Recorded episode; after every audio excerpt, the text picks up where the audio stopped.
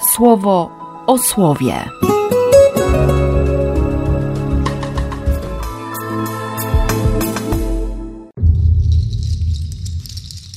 Dwudziesty czwarty października, poniedziałek. Naśladujcie Boga w taki sam sposób, jak czynią to dzieci prawdziwie miłujące swego Ojca, które są nieustannie w Niego wpatrzone. Co więcej ma się wydarzyć? Co więcej trzeba zrobić? Dzieci prawdziwie miłujące Ojca, wpatrzone w Niego nieustannie. Przypomnieć sobie, nie? A nawet jeśli, jeśli nie miało się takiego przykładu w domu, takiego doświadczenia w domu, to, to może warto zaryzykować, żeby się przekonać, żeby doświadczyć, żeby przeżyć, a właściwie, żeby żyć.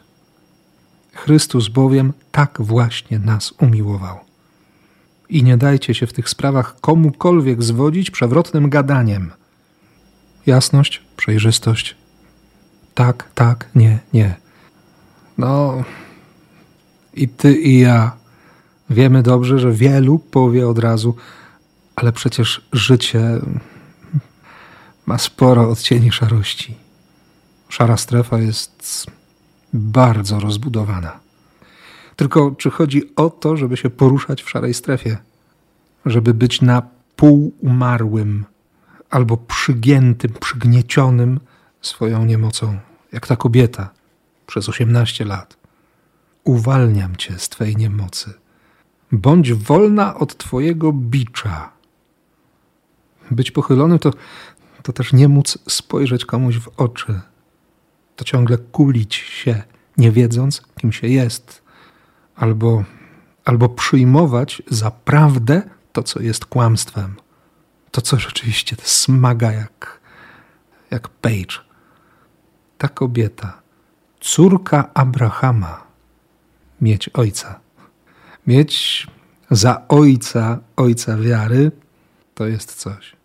Ale mieć za ojca, ojca niebieskiego, jak dzieci miłujące swojego ojca. Takie zaufanie. Oponentów ogarnął wstyd. No bo co powiedzieć?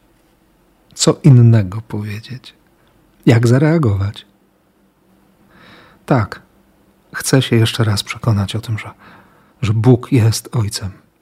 Potrzebuję życia, Jego życia, życia z Jego ręki, z Jego łaski. Chcę Jego serca. Wiem, że może i w Tobie są takie pragnienia, takie chęci. Więc niech to wszystko się stanie.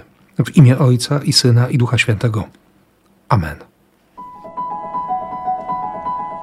Słowo o słowie.